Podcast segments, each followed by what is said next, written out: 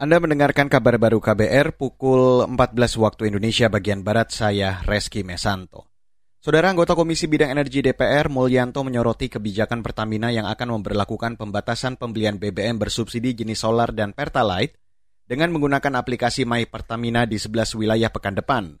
Menurut Mulyanto, Pertamina harusnya menunggu revisi peraturan Presiden terkait pembatasan BBM rampung digodok oleh Kementerian SDM dan Presiden, bukan malah mendahuluinya setelah PPS keluar juga kan nanti ada aturan teknisnya yang diterbitkan oleh BPH Migas. Dia akan mengatur soal teknis bagaimana sih nanti pembatasan itu dilaksanakan. Nah, di tengah itu Pertamina udah mendahului ya dengan My Pertamina ini. Seharusnya menunggu ya PPS itu jadi, kemudian aturannya dari BPH Migas itu selesai. Di atas dasar itulah baru Pertamina merancang bagaimana pembatasan itu dilaksanakan Anggota Komisi Energi Mulyanto meminta agar Pertamina tidak terburu-buru dalam mengambil suatu kebijakan di lapangan. Sebelumnya, pembelian bahan bakar minyak jenis Pertalite memang akan diatur. Aturan pembelian Pertalite ini akan mulai berlaku pada Agustus 2022. Kepala Badan Pengatur Hilir Minyak dan Gas Bumi atau BPH Migas, Erika Retnowati mengatakan, saat ini revisi ketentuan tersebut masih berproses. Beralih ke berita selanjutnya, Saudara. Yayasan Lembaga Konsumen Indonesia atau YLKI mengkritisi kebijakan program pembelian minyak goreng curah dengan syarat menggunakan aplikasi Peduli Lindungi.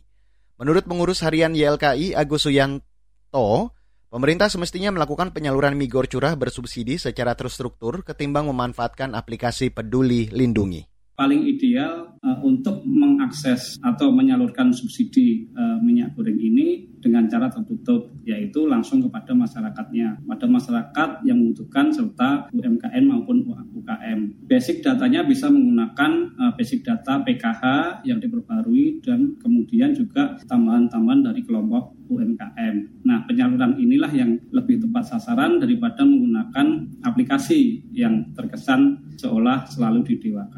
Pengurus harian YLKI Agus Suyanto mengatakan penggunaan aplikasi peduli lindungi dalam akses migor curah berpotensi salah sasaran.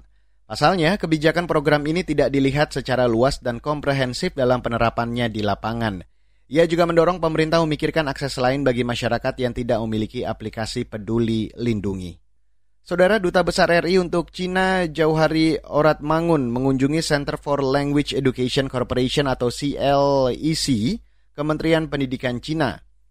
Dilansir dari antara kunjungan itu untuk memperkuat kerjasama pengajaran bahasa Mandarin dan pendirian pusat bahasa Mandarin dan inovasi di enam perguruan tinggi di Indonesia. Dalam kunjungan itu, jauh hari bertemu Direktur Jenderal CLEC Profesor Ma Jianwei. Adapun kenam kampus yang difasilitas tersebut adalah Universitas Gajah Mada, Universitas Pajajaran Universitas Negeri Yogyakarta, London School of Public Relations atau LSPR, Universitas Ciputra, dan Universitas Pancasila. Kunjungan itu juga untuk membahas upaya menyediakan pelatihan vokasi, penyelenggaraan festival budaya dan bekal belajar berangkat ke Cina.